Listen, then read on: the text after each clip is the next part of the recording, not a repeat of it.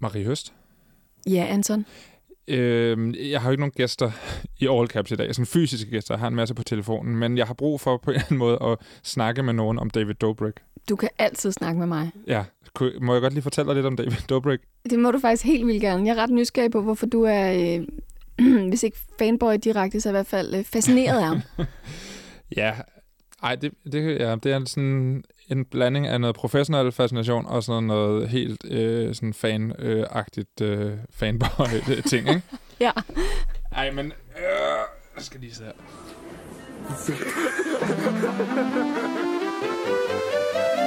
Guys, look at this shit. This fucking street is terrifying. Look at this. Holy. Oh my god. Oh my no, god. Don't, don't, don't, don't let them do that with the Tesla. No, don't. No, no, no, no, no, no. no. You want to do it in my car? Velkommen til All Caps. Øhm, Lægemiddelstyrelsen er kommet på TikTok. Hej så. Hej Thomas, og klar på en hurtig spørgsmål? Shit, hvad har I nu fundet på? Vi har fundet på TikTok. Det er løgn. Okay, jeg er klar. Hvor er vi henne lige nu? Vi er i uh, Lægemiddelstyrelsen. Nu er direktøren for Lægemiddelstyrelsen, Thomas Senderovic, stoppet som direktør med øjeblikkelig varsel. Så hvad skal der blive i kanalen øh, på TikTok? Hvad for nogle råd kan vi give den nye direktør for Lægemiddelstyrelsen? Det har jeg talt med Nadja Nikolajeva om. Hun er digital rådgiver og øh, ekspert i sociale medier. Derudover så har hun stiftet initiativet Ansvar for Feedet. Så er der kommet et nyt socialt medie i byen. Dispo hedder det. Det øh, er en billeddelingsapp, som er inspireret af engangskameraet. Gammel tech på, på ny app. Men ideen er jo altså ikke helt så dum, som den lyder, synes jeg. Det, altså, det, det her med, at du knipser løs i appen, men du kan først se dine billeder, når de bliver fremkaldt i godseøjne dagen efter. Det vil sige, at du ikke øh, kan tage et billede og kigge på det og overveje, om det skal udgives eller ej. Nej, du kan først se det, når det er udgivet. Og det kan muligvis gå op med denne her øh, perfekthedskultur, der er på sociale medier, hvor man kun lægger de gode, gennemredigerede billeder op. Øhm, og måske kan det give os mulighed for at leve i nuet, som, øh, som er appens slogan øh, eller tagline. Det her tal med en af de eneste, der er på Dispo i Danmark lige nu, øh, altså udover mig selv selvfølgelig, øh, det er social media strateg og rådgiver for kraftens bekæmpelse i Danmark, øh, Lars Østergaard. Manden bag Dispo, det er YouTuberen, TikTokeren, influenceren, podcasteren, SoMe-personligheden David Dobrik. Jeg har fulgt med i, hvad han laver på sociale medier i et rimelig godt stykke tid efterhånden, både sådan af faglig interesse, men også for, ja, også fordi det er godt indhold, altså, synes jeg. Øhm, jeg synes, han er virkelig interessant. Så skal vi også tale lidt om i dag. Altså, hvad er det, han kan? Hvad er det, han gør? Hvad, hvor er det, han ender? Øh, senere i programmet, der ringer jeg til den gode gamle Kjell Reinicke, kendt fra tv. Han har ligesom, øh, jeg har dyrket David Dobrik længe, og derudover ved han alt om medier, de gamle såvel som de nye. Til dem, der ikke lige skulle kende Kjell Reinicke fra tv, så kan jeg altså sige, at han er tidligere programchef for TV2. Og før det, der har han været med til at starte både TV2 Zulu og DR2. Og I dag der arbejder han med strategisk udvikling inden for digitalt indhold. Så altså, hvis der er nogen, der skulle vide noget om medier og sociale medier og indhold og hvordan man laver noget, der bliver en succes, hvis det ikke skulle være ham, hvem skulle det så være? Mit navn det er Anton Gade Nielsen. Jeg er simpelthen bare vært på programmet her. Velkommen til All Caps. Altså, grunden til, at vi taler om David Dobrik i dag, det er jo fordi, at det er ham, der står bag den her øh, nye platform, som hedder Dispo, som er det her kamera, hvor man kan tage, øh, den kamera-app, hvor man kan tage billeder, og så bliver de fremkaldt dagen efter. Så man skal vente på at se sine billeder? Ja. Ja. ja. Og der er jo en baghistorie til, til det. Altså, det er jo David Dobrik, der har lavet den her øh, platform, fordi han jo er sådan den ultimative øh, hæng ud og have det sjovt-agtige YouTuber, der findes. Han laver de her ultrakorte øh, videoer på YouTube, hvor han har det hyggeligt med sine venner. Og i de her videoer, der har der flere gange været øh, engangskameraer, hvor han har taget billeder med sine venner på engangskamera, og så har han lagt det op på en selvstændig Instagram-profil, som hedder David's Disposable Camera, eller sådan noget af den stil, ikke? Hvor man, øh, hvor man kan se de her øh, billeder af de her mennesker, som optræder i de her vlogs. Og jeg ved, du har, jeg har bedt dig om at, eller jeg har sendt, jeg sender dig jo nogle links til nogle videoer. Ikke? Ja, det gør du ret tit. Der har jeg sendt dig David Dobrik blandt andet. Ja. Og det, var det første gang, du så det? Det var faktisk første gang, jeg så en David Dobrik-video. Jeg kendte til ham, men jeg har kun læst om ham. Jeg har ikke øh, været, øh, jeg har ikke været på YouTube, og, og altså, jeg har ikke tjekket ham ud på YouTube. altså, det der er hans koncept, øh, så kan du sige bagefter, om du synes om det eller ej, eller om du måske er uden for målgruppen, men han har laver de her ultrakorte øh, vlogs, er ultrakorte i den her sammenhæng, er 4 minutter og 20 sekunder. Alle hans videoer af 4 minutter og 20 sekunder. Det er meget skarpt. Altså, Det det, ved man, når man laver, sådan, laver, laver medieindhold. Altså, det, det er virkelig en stram ramme at sætte for sig selv på Ja. ja. en måde. Og det tror jeg faktisk karakteriserer ham meget godt, øh, hele, hans, hele hans koncept og hele hans måde at lave ting på. Det er den her stramme ramme. Han har, så, så vidt jeg forstår, altså flere timers materiale, som han koger ned til de her 4 minutter og 20 sekunder, hver gang han laver en vlog. Han har så holdt en pause med vlogs, lige siden corona øh, slog, slog hårdt i, igennem i, i, i USA, ikke? Øh, af gode grunde, fordi det er jo tit folk, øh, det er sit videoer med, med ham og hans venner, der Jamen, er meget det tæt er på hinanden. total uh, hangout-videoer, ikke? Altså, man kan godt fornemme, at der er taget en masse ud, fordi de står bare uh, rundt i en kreds og griner af alt, hvad han siger. Meget tid. Og man mangler nogle gange konteksten, ikke? Jo. Men det er sådan, noget, det er sådan en blanding af hænge ud videoer, en lille smule jackass, sådan noget, øhm, vi, giver, vi giver mange penge til folk, der har brug for dem, øh, feel good videoer. Det er meget tydeligt, at de gode venner, dem der øhm, er med, ikke? Altså, der er nogen, der sammenligner det med sådan en moderne version af Friends, fordi man, det, det er jo ham, David Dobrik, der filmer det og, og optræder, men ellers er der jo nogle faste, faste karakterer i det her vlog squad, som, som det hedder, ikke? som er, øh, er den lækre, den sexede, den, øh, den fjollede og sådan noget, som, som er genganger hver gang. Så man, man ser de her videoer, man kender til menneskerne, man glæder sig til at hænge ud med dem næste gang. Ikke? Ja. Øhm, hvad synes du om videoerne? Jamen, jeg synes, der er, som du siger, totalt god energi, og jeg kan godt følge, at karaktererne er underholdende. Altså, jeg grinede flere, flere gange. Jeg synes, det er øh, ja, super underholdende. Og fornemmelsen af, at der foregår en hel masse, som man ikke får med, gør jo en nysgerrig. Altså, på, det, giver sådan, det giver videoen noget momentum, og man har lyst til at, øh, at, at nyde de der få minutter, man, har, man så har fået lov til at kigge ind i deres fede liv, tydeligvis. Ja. Men det er også sådan en, altså, det er også sådan en øh, sådan lidt lukket klub, altså nogle mennesker, der bare står og griner af andre. Sådan føles det også en lille smule. Og så synes jeg, den der, den der moral med bare sådan at give random, eller ikke random, men nogen han synes fortjener det en masse penge, den har jeg det lidt stramt med. Og det er er- meget American på Det en er måde. super American. Så har du, fordi et eller andet, fået 10.000 dollars, eller hvad det nu er. Altså, det, åh, den, den synes jeg er en lille smule klammer. Men, men altså, der var nogle andre ting, som var virkelig, virkelig grineren. Så det var lidt både over. Altså, for, for lige at sætte ham i perspektiv, så har han altså 18,8 millioner abonnement, abonnenter på sin main channel på, på YouTube. Han har selvfølgelig også en second channel, det har alle store YouTubere. Der er kun 8,7 millioner. Oh. Så har han øh, 14 millioner følgere på Instagram, og 26 millioner på TikTok. Og så var han altså også ret stor på vejen, dengang det eksisterede, som jo er altså, den samme slags indhold, som han laver på TikTok, og i bund og grund også den samme slags indhold, som han laver på YouTube. Altså de her korte klip, sat sammen i en YouTube-video, er jo i bund og grund det, han laver nu, ikke? Jo, dengang var det så syv sekunder, ikke? Og, og, og man kan sige, altså, han har jo, altså, stort set alle hans videoer har over 10 millioner views. Nogle af dem har op til vanvittigt. 30, ikke? Ja. Så der er en ekstrem eksponeringsmulighed i at være med på hans, øh, på hans kanaler, ikke? Det giver både nogle, nogle muligheder i forhold til samarbejder, men det giver også til, som du siger, man kan også måske føle sig presset til at gå øh, det ekstra skridt for at få lov til at være en af de mennesker, der bliver udvalgt i de her 4 minutter og to- 20 sekunder, ikke? Jo. Øh, og det har jo selvfølgelig skabt noget kontrovers. Der er mange, der efterfølgende har følt sig presset til at gøre ting, de ikke har haft lyst til. Øh, og der er nogen, der føler sig meget drillet. Der er blandt andet en dværg med en gang imellem, som jo, øh, hvor meget af joken går på, at han er lav. Ikke? Og det lader han jo som om, han synes er fedt, fordi hey, så kommer han med i videoerne. Lige nu er der en kontrovers omkring en uh, tidligere medlem af det her vlog squad, som øh, føler, sig, ha, føler, at han er blevet presset til at kysse med en anden mandlig deltager af det her vlog squad, en lidt ældre øh, fyr, øh, flere gange, uden at han egentlig havde lyst til det. Men den, den dynamik kan jeg totalt godt forstå, Ja. fordi jeg havde det også sådan lidt, altså man kan hele tiden høre bare sådan et kor af mennesker, der står og kigger på. Og hver gang David Dobrik siger et eller andet, så hører, hører, så er de helt færdige at grine, Ja. ikke? Og så siger han et eller andet sådan lidt på grænsen til dem, der står foran kameraet. Det bla bla bla. Welcome to Jennifer. She's the bitch. Og så ja. kan man se, at hun sådan reagerer. Ah, det var måske ikke så fedt sagt, men jeg må hellere grine, fordi de står alle sammen og griner. Altså, i den situation kan man jo ikke sige, hey, gider du holde kæft, din idiot? Altså, det tror jeg er ret svært. Det tror jeg helt sikkert. Altså på den måde er der noget gruppepres dynamik ja. i den her gruppe på, på, sådan, på den helt høje navle, ikke? Jo, Det kan nærmest ikke blive mere gruppepres end, hey. Ja. vil, du, vil du være med i en video, hvor der er 30 millioner, der ser dig? ja. Eller er du en fucking kedelig partypooper? Præcis, og hvad er de nye, hvad er de nye vilde ting, man kan gøre i en verden, ja. hvor vi prøver at være hensynsfulde over for folks øh, ja, forskellige måder at være i verden på, har jeg lyst til at sige. Ja.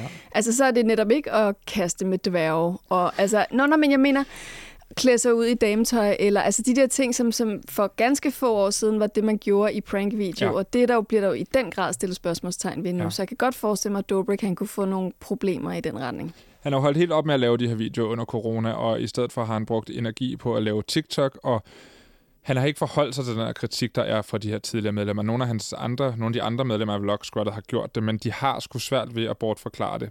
Og øh, måske er den bedste strategi for dem lige nu bare ikke at sige noget. Men på et eller andet tidspunkt tænker jeg, at han skal forholde sig til det. Fordi han bliver større og større, og nu kan man sige, det kan godt være, at han ikke laver de her daglige vlogs længere, eller ugenlige vlogs, men i stedet for er han gået hen og lavet sit eget talkshow, simpelthen. Hvad er det næste, ikke? Så han har købt et nyt hus, som er fuldstændig vanvittigt. Og i det hus er der et studie, hvor han laver podcast og optager podcasten som øh, video. Og det er altså et fuldstændig klassisk øh, talkshow setup med ham bag et skrivebord, to gæster i en sofa, sådan medvært på en stol. Ikke? Ja. Øhm, virkelig, virkelig velproduceret. Ser virkelig, virkelig dyrt ud. Og han har tidligere udtalt, at men hans største drøm er at blive talkshow-vært. Ja, Øh, okay. Men han bevæger sig jo faktisk også over i noget, når han begynder at være tech-founder. Jeg har lyst til at sige, ja. Ja. altså der er nogle helt andre, øh, hvad kan man sige, rammer for, hvad han må, og hvordan han skal udtale sig, og hvad han skal tænke over, hvis han begynder at skulle hoste en platform. Altså så kommer han til at stå og svede, ligesom Mark Zuckerberg Ja. lige om lidt, ikke? Jo, og det er spændende at se den her Dispo-app, hvordan hvor meget et, en platform det bliver, og hvor meget det bare bliver sådan en måde at dele billeder på. Altså, hvor meget socialt er der i den. Ja, Det er spændende at se. Nå, det er spændende. Marie, tak fordi jeg lige måtte få lov til at tale David Dobrik i din retning. Selv tak, det var fedt. Og så prøv lige at altså, dykke ned i det. Se Ja, det jeg skal flere. lige se lidt mere. Man bliver afhængig af det. Ja, jeg, det kan jeg faktisk godt fornemme.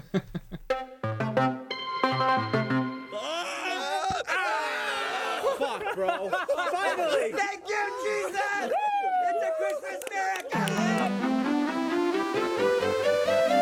Saw this joke on the internet. Joe, Dima! Somebody help me out? Oh, give me a hand. Give me a hand with this. Whoa! Dima! For fuck's sake! My bad. Dima, what the fuck did you do? You can't make jokes about having sex with your own sister. I'm kidding, dude. You say them way that. too frequently to just be kidding. Før vi dykker lidt mere ned i David Dobrik, og øh, hvorfor han måske kan ende med at blive ret stor, og en som alle på et tidspunkt kender, jamen, så skal vi lige kigge nærmere på den her nye platform, Dispo, som han står bag. En af de få, der er på appen øh, allerede, det er Lars Østergaard. Han er social media strateg og rådgiver hos Kraftens Bekæmpelse i Danmark, og her er hans bud på, hvorfor Dispo er interessant at kigge nærmere på. Lars Østergaard, hvis du lige skal give sådan, øh, de, de, en kort anmeldelse af det, hvad, hvad synes du om, om Dispo som, som platform? Altså jeg vil sige, som, øh, som platform er det nok et sted, der stadigvæk mangler at blive strammet lidt op sådan i forhold til, øh, til design og user experience osv., men, men som koncept synes jeg faktisk, at der ligger noget ret spændende i, i platformen. Og konceptet er jo som sagt det her med, at man øh, tager nogle billeder, ligesom man gør på en, et, et kamera med film i, eller et engangskamera, og så kan du først se billederne, når filmen er blevet fremkaldt. Og det er så i appens, øh, det her kunstige verden her, der er det jo så morgen efter klokken 9. Der kan du se de billeder, du har taget i løbet af dagen før og aftenen. Hvad tænker du om det her med at overføre tanken om øh, fremkaldelsestid og indgangskameraet til en, en digital platform og en digital medie, som den her app jo er? Jeg synes faktisk, det er, det er et ret fint alternativ til den der lidt hurtige verden, vi ser i øjeblikket, hvor det hele handler om at få likes hurtigst muligt og få visninger hurtigst muligt på sine ting.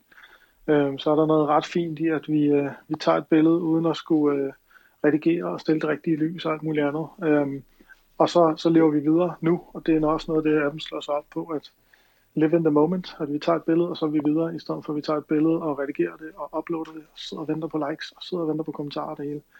Så er der noget ret fint i, at man tager billedet, så man videre igen. I hvilke sammenhænge, altså nu er det jo, jeg, jeg tænker jo meget sådan noget, det her med engangskameraer, det er jo sådan noget, man tidligere har, har brugt til, altså at tage med på festivaler, eller have, have liggende til en eller anden familiefødselsdag, eller en eller anden øh, fest til langt ud på natten, hvor man så kan tage billeder undervejs på det her engangskamera, øh, og det kan gå lidt på runde. Er det også sådan en her, er det de her sammenhænge, du ser øh, en app som Dispo være brugbar?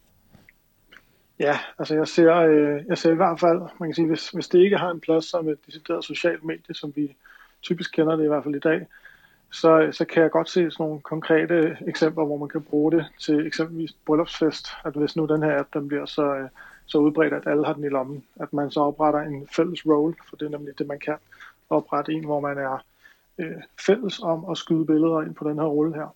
Øhm, at man så til en bryllupsfest kan bruge det som, som et sted, hvor gæsterne kan skyde billeder og samle dem på en gang. Det tror jeg kunne være en, en ret fin måde at gøre det på, og, øh, og det samme kan overføres på, på festivaler og på alle mulige andre arrangementer. Så sådan en eventbaseret platform kan jeg sagtens se, øh, at den får et liv som. Og det må vi jo nok vente lidt med og se, om den står distancen til verden igen på en eller anden måde er åbnet op. Ja, desværre. Jeg tænker i virkeligheden, da jeg begyndte at bruge den her app, så, så tænkte jeg på den gang, jeg begyndte at bruge Instagram i sin tid, og det er jo snart rigtig, rigtig mange år siden, at den blev rullet ud. Øhm, at det her med, at du, altså, der er jo måske ikke mange, der, der, der tænker over det, men et, man kan jo faktisk godt tage billeder igennem Instagram-appen, og så lægge det op med det samme. Altså, instantly. Ikke? Altså, det jo lidt der, ordet Instagram kommer fra. Mm. Men jeg forestiller mig, at der er ret få mennesker, der tager billeder direkte inde i Instagrams app, men i stedet for at gøre det, at man vælger et blandt måske 20, øh, stort set ens billeder, vælger det bedste af dem og lægger det op på Instagram, øh, efter det er blevet redigeret selvfølgelig hæftigt. Men det her med, altså for at gøre et langt spørgsmål kort, sådan, er det i virkeligheden bare øh, en genfødsel af Instagram, som det var op, oprindeligt var tænkt? Ja, det, det tror jeg egentlig, øh, man, man godt kan sige lidt, det er. Øhm, det der med at finde tilbage til rødderne for, hvad, hvad det egentlig, man gerne vil have. Øh, for du har helt ret, altså Instagram startede jo netop sådan det her instant experience, altså hvor man tog billedet, og så var det op med det, og man kunne måske lige putte et enkelt filter på, når først vi kom lidt længere ind. Men, øh, men der er måske et eller andet fint i, at nu er vi blevet lidt trætte af, at man kan overredigere, og man kan vælge mellem, som du siger, 20, 50, 100 forskellige billeder og putte det rigtige øh, filter på, og tekster på, og giffer og stickers, og jeg ved ikke hvad. Så er der måske noget ret fint i, at vi, øh, vi nu bare tager det helt back to basics, og, øh, og skyder et billede, og så, så bliver det, som det bliver, og så er der ikke mere i det.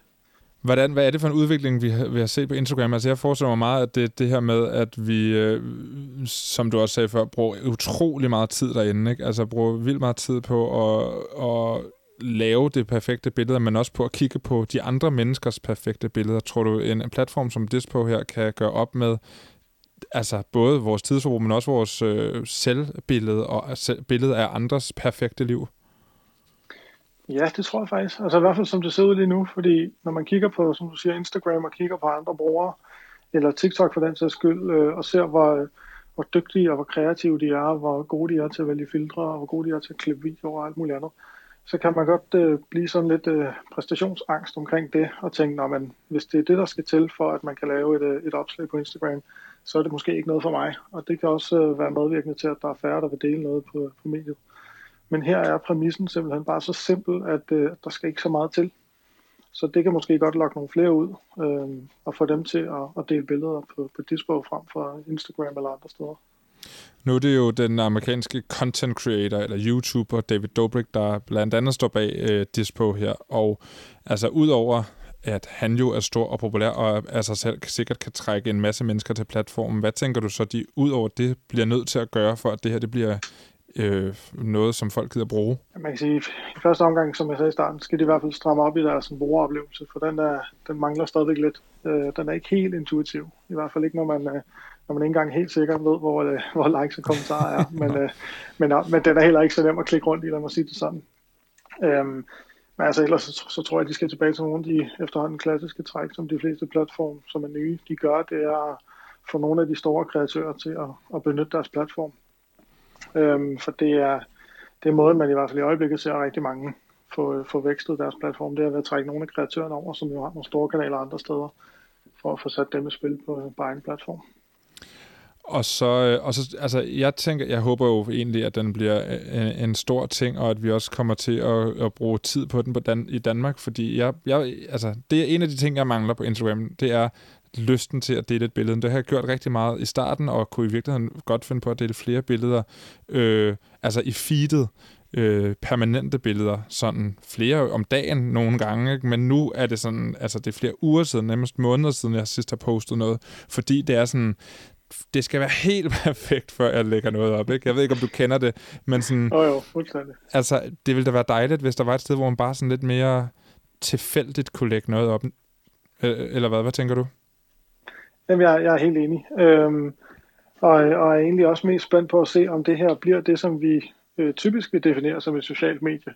eller om det i højere grad bliver sådan en intern øh, kamerarulle for, for små grupper af mennesker.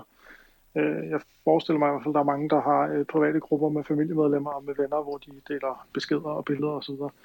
Og det kunne godt være lidt den, den retning, den også kunne tage, øh, hvor det var lidt mere øh, privatorienteret, frem for at det var se mig til hele verden, som, øh, som det typisk er på Instagram. Okay, så du, så du er med, på, du er med på, på, på ideen om, at det, vi gerne vil have, at den her den bliver populær? Ja, jeg giver den et skud, og, og håber på, at der kommer flere på, øh, i hvert fald også fra Danmark. Så, øh, så tror jeg godt, det kan et eller andet. Og man har før skulle have en invitation for at komme på appen. Den, det skal lige sige, den kan kun indtil videre downloades på iOS, men det er ikke længere nødvendigt at have en invitation.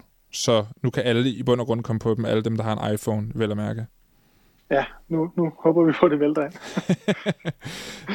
Lars Østergaard, tusind tak, fordi du gad at være med. Jamen selvfølgelig.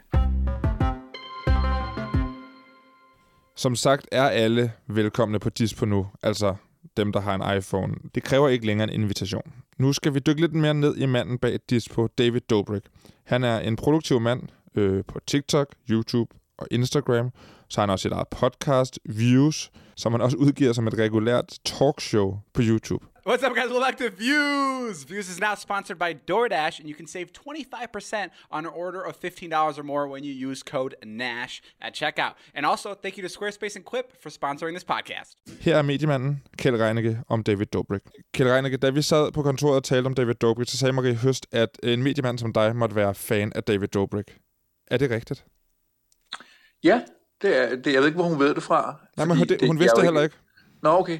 Men øh, det er rigtigt. Altså, og, øh, og det der er, det er, altså jeg er jo på den måde ude af, af hans målgruppe, altså hans kernemålgruppe, er jo ikke mig. Ja. Men, men grunden til, at jeg øh, er fan af ham, det er, at, jeg, at hvis man ligesom skimmer, øh, hvor er, hvor er medielandskabet på vej hen, og hvor, hvem, hvem rykker, og hvem rykker ikke, og hvem skal man holde øje med, og sådan noget, så kommer han op på radaren.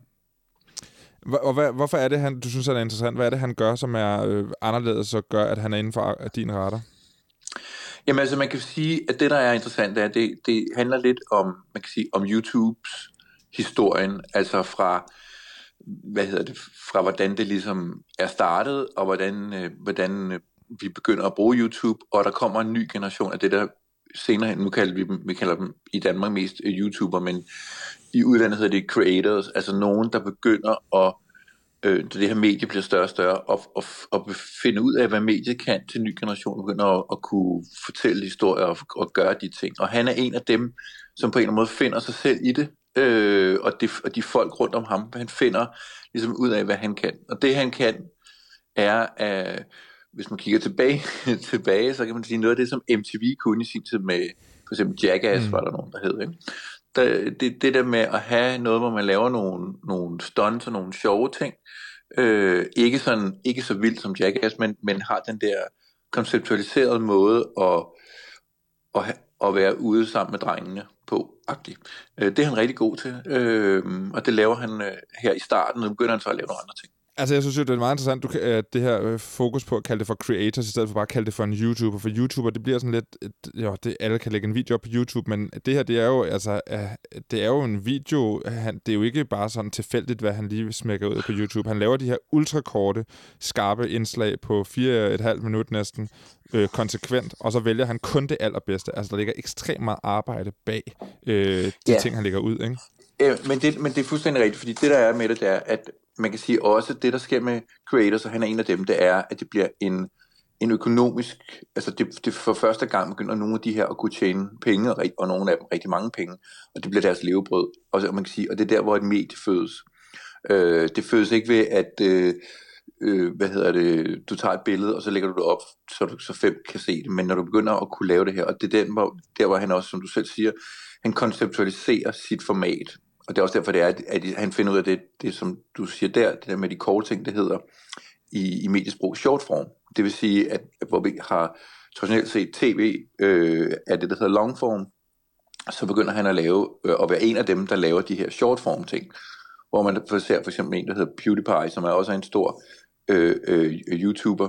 Øh, han han laver længere ting, men det er fordi, han, han går ind i spilverden, og spil, altså spilverden er ligesom en anden ting, hvor man ligesom, hvor man ser nogen spille andres spil, og kommentere på dem og sådan nogle ting. Det, det er en lidt anden vej. Ham her, øh, han er meget mere original, synes jeg, fordi han, skal, han, han gør det ikke ud af andres indhold. Og det, det er derfor, det er interessant. Han gør det ud af sit eget.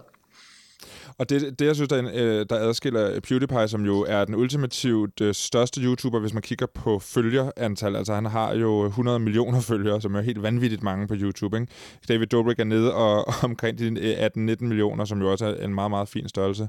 Men som ja. du siger, øh, PewDiePie udgiver nogle meget lange videoer, David Dobrik udgiver de her korte, og øh, altså antal seere per video på David Dobrik's er et sted mellem 10 og øh, 30 millioner øh, views per video. Altså, den, ja. det, det, det, er jo også øh, det er jo, det er jo et, et ekstremt højt tal, og, og PewDiePie ligger, øh, ligger ret meget længere nede.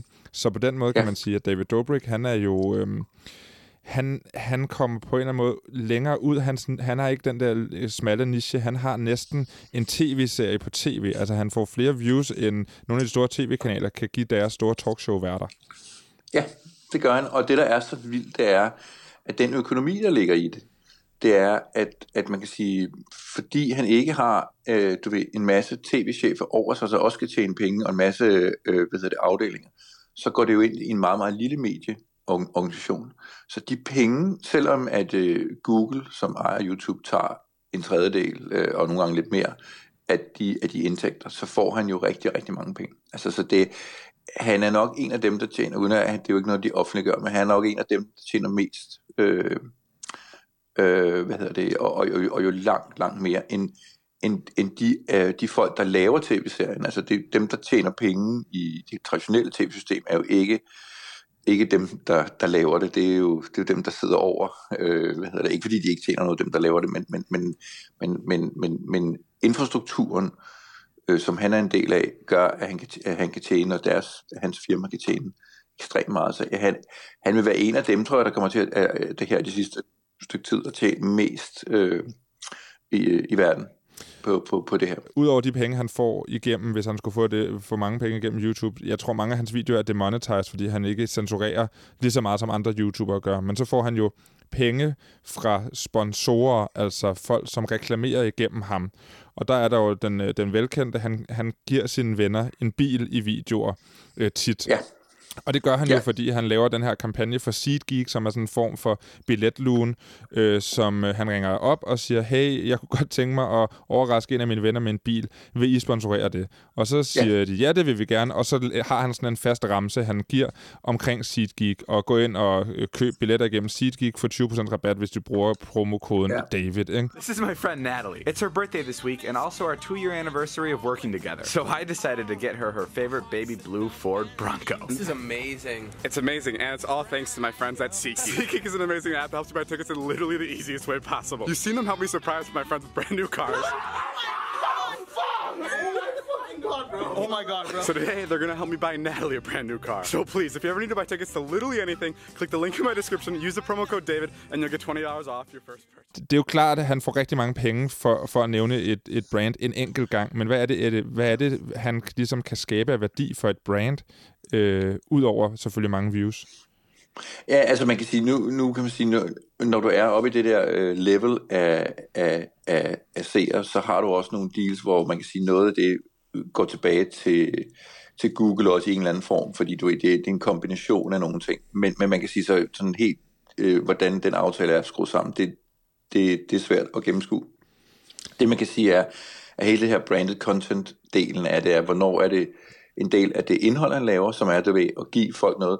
Øh, på den klassiske tv-ting så vi også Oprah som talkshow host. Hun, der var jo sådan, der var sådan en klassisk ting, hvor hun giver biler til hele til, he, til, til, i hele studiet, så der sidder ligesom, du ved, 200 mennesker er blevet inviteret ind til et, et, et, en, en, hvad de tror er et interview med en anden, og det er det også. På et tidspunkt så rejser Oprah sig op, og så siger hun, prøv her, øh, kan, I lide den her, kan du lide den her bil? Ja, vil være alle får en bil. Så fik ligesom, så var der 200 eller 250 biler, der bare blev, blev givet, som er, hvis man vil se øh, folk juble, så skal man gå ind og finde det her på, på YouTube. Men, men det, det, der er i det, det er, at, øh, at man kan sige, han er rigtig god til, synes jeg, at der er jo ikke fordi, det er jo ikke fordi, der er noget galt i at lave det her. Han er god til at mixe det ind, så man ikke, det er ikke fordi, man, ikke, man føler sig ikke manipuleret. Det synes jeg er vigtigt, når jeg ser det. Så jeg er, ikke, jeg er ikke i tvivl om, hvornår det er, det det er. Han er meget god til at fortælle, hvad det er. Lidt som vi også ser faktisk, øh, nogle af podcasten er gode til. Altså, at mm. det kan godt være, at et, et, en podcast host siger, øh, vi handler om det her, men lige i øjeblikket skal vi lige høre det her, og så læser man det. Altså, det er en mere integreret ting, end hvor det gamle, de gamle medier er sådan lidt, du ved, øh, hvad hedder det, et eller andet, og så kommer der et, et skilt, der står, nu kommer der en, du ved, en ny kredit, kommer ind nu, altså agtigt, ikke? De er bedre til at integrere det, synes jeg, det synes jeg, han, han, han gør øh, øh, på en fed måde. Og så er der jo hele det her med, at han jo, når han, øh, altså, jeg tænker også, og det tror jeg også, SeatGeek, at Ian fra SeatGeek er jo sådan en karakter nærmest i David Dobrik's univers, og SeatGeek er ja. også blevet sådan en medspiller på en eller anden måde, så det, at hver gang de bliver nævnt, så sker der noget fedt for nogle andre, ikke? Altså det tænker jeg også, det kan godt være, at de sælger billetter til fodboldkampe og, og øh, teatersforestillinger, men nu er de jo altså også blevet et car dealership, så, som giver biler til David Dobrik's venner. Øh, det er der jo også en eller anden fed historie i for SeatGeek, tænker jeg.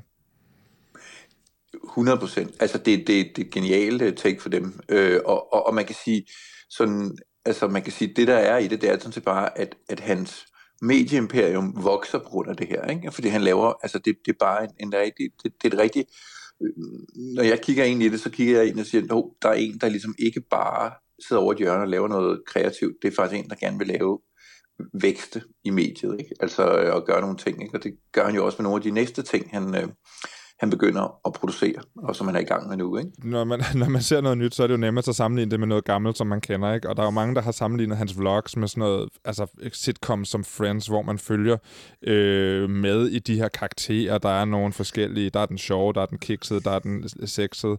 Og så følger man ja. ligesom med i deres, øh, deres uforløste kærlighedshistorier. Og, og sådan nogle ting. Ja. Og drøser det lidt med noget kendisfaktor fra nogle øh, gæsteoptrædende, og det er jo meget på den måde, altså sådan vi ser øh, de her vlogs lige nu med David Dobrik. Øh, altså, jeg synes ja. ikke også, det er skåret over sådan på den måde i, en eller anden øh, ungdomsserie læst.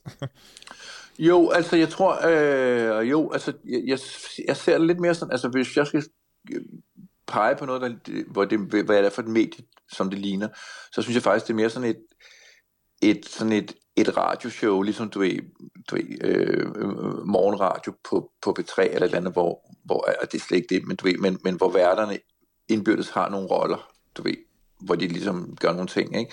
Og han er ligesom den hovedrolle, og så er der nogen, men, men man kender dem igen og igen, og fordi det er over så lang tid, så, kan man, så har de hver deres, man kan sige, grund, øh, hvad hedder det, ting, som ligesom sker. Så hvis man ligesom følger med i det, så så bliver man en del, så bliver man, så bliver man venner med dem. Altså man fornemmelsen af, at, mm. at man er inde sammen med vennerne, er de rigtig gode til.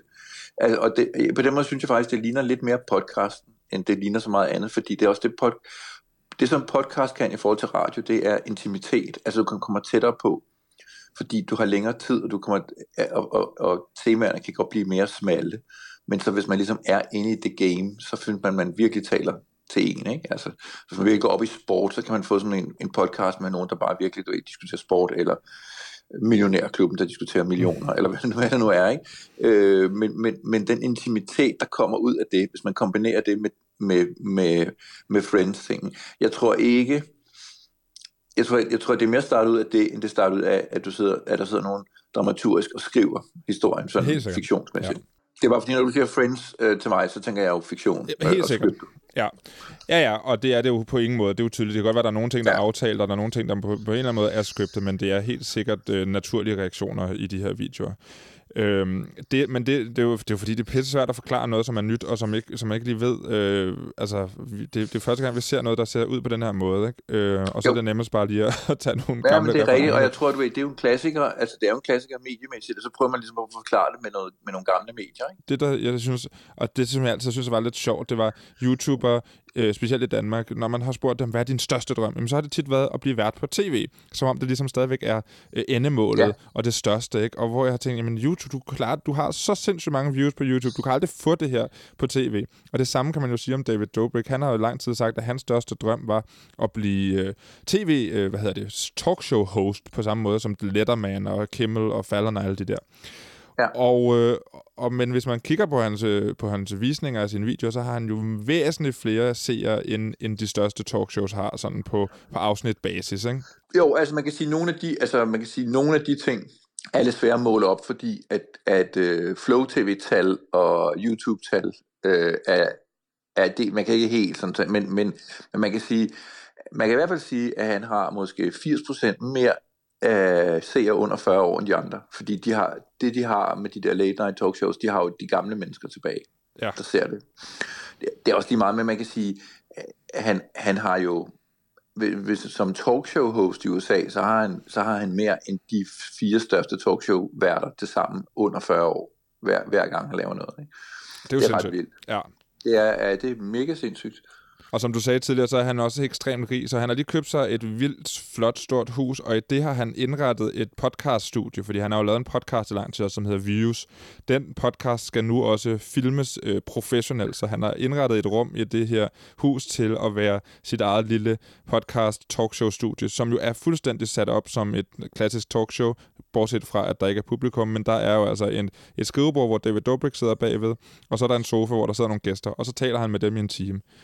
Ja, og, og nu, synes jeg, nu synes jeg, du underspiller det, fordi, øh, fordi det, er jo et, det er jo et virkelig flot tv-studie, han ja, har lavet. det er nemlig det, det, det, er ikke, det er ikke bare sådan en sofa ned fra IKEA, og så ligesom et, øh, du ved, fordi han, han har faktisk lavet et tv-show, ja. og så optager, han, så optager han det som en podcast, hvor vi ser mange podcasts bliver optaget, hvor man ligesom har, du ved, i går sådan en overvågningskamera, der ligesom optager det, ikke? Forstår, forstår mig ret.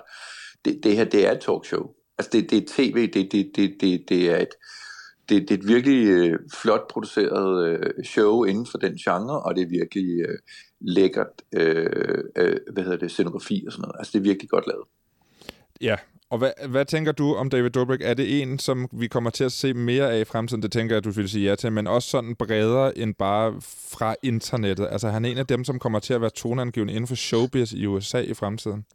Ja, det tror jeg, og det er han også fordi, at det han er, det er, og det kan man også se, hvis man ser det der øh, øh, talkshow også, det er, at han, har jo, han, har jo, han er jo venner med den næste generation, kan man sige. Så, så man kan sige, den næste generation af folk, der, der bliver den næste, de næste skuespillere, de næste kendte, de næste bladredaktører, de næste, hvad det nu er. Altså, de er alle sammen inde i det talkshow nu. Øh, så, så man kan sige, hvis man ligesom skal se på, hvad man skal investere i, hvis man var en medie, mediemand i USA, der skulle så sige, hvem skal vi give penge til i næste gang, så skal man se det, det, det show, fordi dem, der får lov til at komme igennem hans filter, det er dem, der bliver sådan noget meget, med meget stor øh, øh, sandsynlighed. Så, så man kan sige, det, det er ligesom, øh, det er en, øh, hvis man kigger ind i det, øh, og så synes jeg, at man kan sige, det er jo meget sådan øh, anderledes end de amerikanske, altså de store sådan tv-show, show, fordi det er meget intimitet, altså det har den der podcast-intimitet, mm. vil jeg kalde det. Altså du ved, og nogen vil synes det er meget, du ved, ungdomsagtigt, at de snakker for meget om sig selv, og du ved, hvad, hvad, hvad er spørgsmålet, og sådan, du ved, man er sådan i den journalistiske mode, ikke? Men de hygger sig og har det sjovt, og de er i, altså, han bringer det der entourage, møder de kendte ind i hinanden, altså på sådan en sjov måde, så det, der er meget af det, man snakker om, der er om, hvordan øh, datede du første gang, og så griner de, og så siger de, hvordan gjorde du selv, og sådan noget, ikke?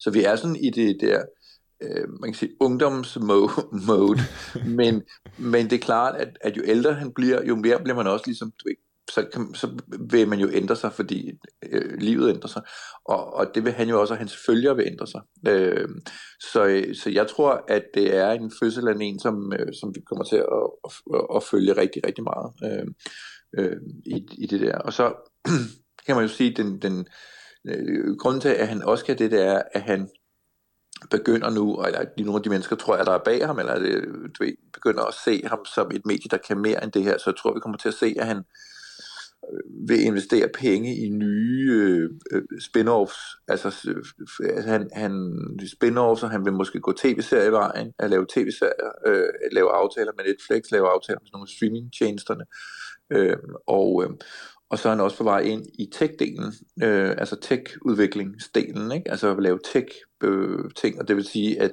der er ikke langt til, at, øh, at spilindustrien og ham mødes. Det er i hvert fald interessant at følge med i, hvad den, både den app bliver til, men også hvad David Dobrik, what will he do next? Ikke? Altså, hvad, hvad kommer der til at ske? Og jeg synes, det var en meget god bud, Kjeld Reinicke. Øh, tusind tak, fordi du lige gad at give dit, dit take på David Dobrik. Jamen, øh, selv tak. Det var Kjeld Reinicke om David Dobrik. Her til sidst, inden content, så skal vi lige kigge øh, forbi en anden mediepersonlighed og content creator. Det er manden, der optræder på Lægemiddelstyrelsens TikTok-profil, Thomas Senderovic. Hej Thomas, og klar på en hurtig spørgsmål? Shit, hvad har I nu fundet på? Vi har fundet på TikTok.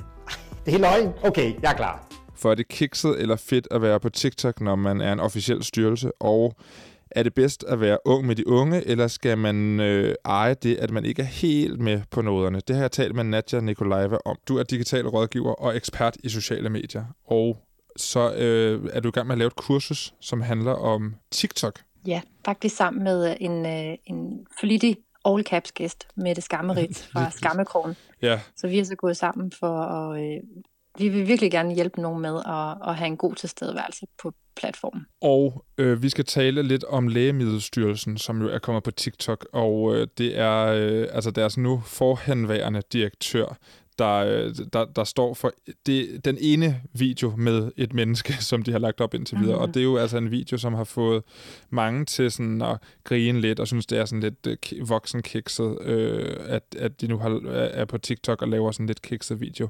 Øh, jeg vil prøve lige at spille et lille klip for den. Vi er i uh, Lægemiddelstyrelsen. Det er den fedeste arbejdsplads i Danmark. Og hvad laver man herinde? Man laver rigtig meget. Man arbejder med lægemidler, godkender, overvåger lægemidler og en masse andre ting. Og hvad med covid-19-vaccinerne? Står jeg også for dem? Covid-19-vaccinerne, det er her, der sker. Det er os, der arbejder med at godkende dem og overvåge dem, så alle kan være trygge med at få dem. Hvad, Nadja, synes du, det er en god idé, at en, en offentlig styrelse eller en myndighed som, som Lægemiddelstyrelsen er, på, er til stede på TikTok? Grundlæggende, ja. Jeg synes, det er forfriskende, og jeg synes, det er vildt modigt. Og jeg kan godt lide, at man som styrelse, altså hvad er en styrelse overhovedet, ikke? Altså for mig, det er jo noget med beton og en bygning, der er lukket, og der sidder sikkert nogle kloge embedsmænd derinde og laver et eller andet, som jeg håber, de har styr på. Men hvis man kan tage noget så usekset som en styrelse og åbne det op, gøre det mere tilgængeligt, fortælle de gode historier derfra, øh, og gøre det på en sjov og engagerende måde, det synes jeg er meget, meget sympatisk, og altså en indsats værd. Øh, jeg, tror, jeg vil da gerne have, at mange andre styrelser egentlig fortalt om, hvad er det, I går og laver? Hvad er det, der foregår i de der lukkede bygninger? Vil du ikke lige prøve at beskrive den, det første bud på en video, som Lægemiddelstyrelsen har lagt op på TikTok? Nu øh, hørte vi lidt, øh, lidt lyd fra den her, men hvad er det, vi ser på den? Jamen, vi ser øh, chefen for Lægemiddelstyrelsen øh, sidde i et mødelokale, så bliver døren åbnet, og øh, så er det ligesom sådan en introvideo med, at øh, hey, er det her Lægemiddelstyrelsen? Ja, det er det, og det her, vi laver vacciner, og nu er vi på TikTok. Så det er sådan en, det er meget sådan en, en enkel intro, hvor han øh, altså har mikrofon på. Man kan se, at han har en mikrofon i skjorten, og så øh, laver han ellers nogle armbevægelser og, og laver sådan en walk and talk. Øhm, og det er altså på, på godt øh, altså moderne dansk super super cringe. Men øh, det heldige er at, at ham her øh, Thomas øh, som øh, nu er forhandværende chef for Lægemiddelstyrelsen han er en ret karismatisk mand. Altså han er sådan ret sympatisk. Øh, men jeg vil virkelig gerne se ham læse dårlige fartjokes op.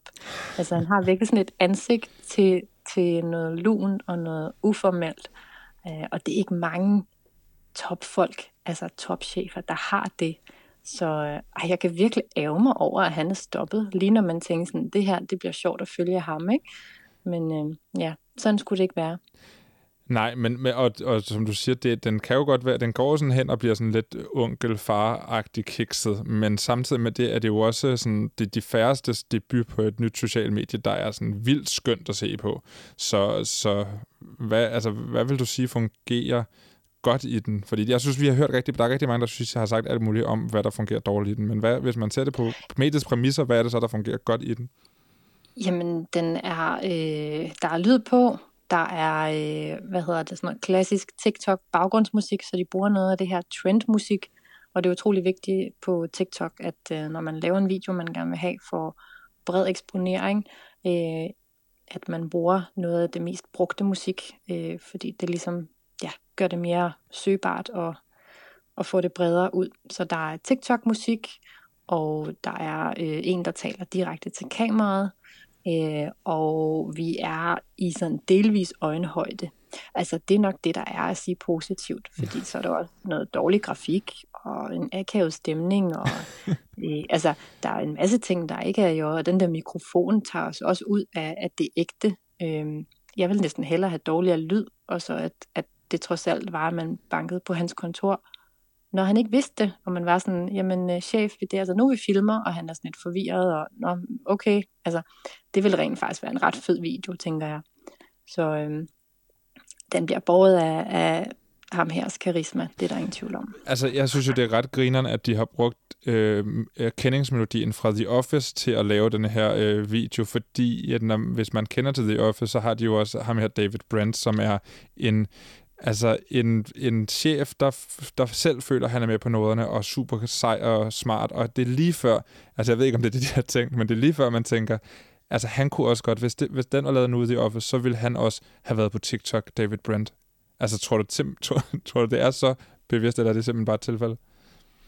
Jeg ved ikke, om det er så sofistikeret, men øh, det kunne da være vildt fedt, hvis det var intentionen. Den er jo ikke sådan helt tydelig hvis det, er, altså, hvis det er det, der er tanken. Hvad vil du sige, hvad er rådet, nu du er digital rådgiver, hvad vil rådet være til den nye direktør i, øh, i Lægemiddelstyrelsen nu?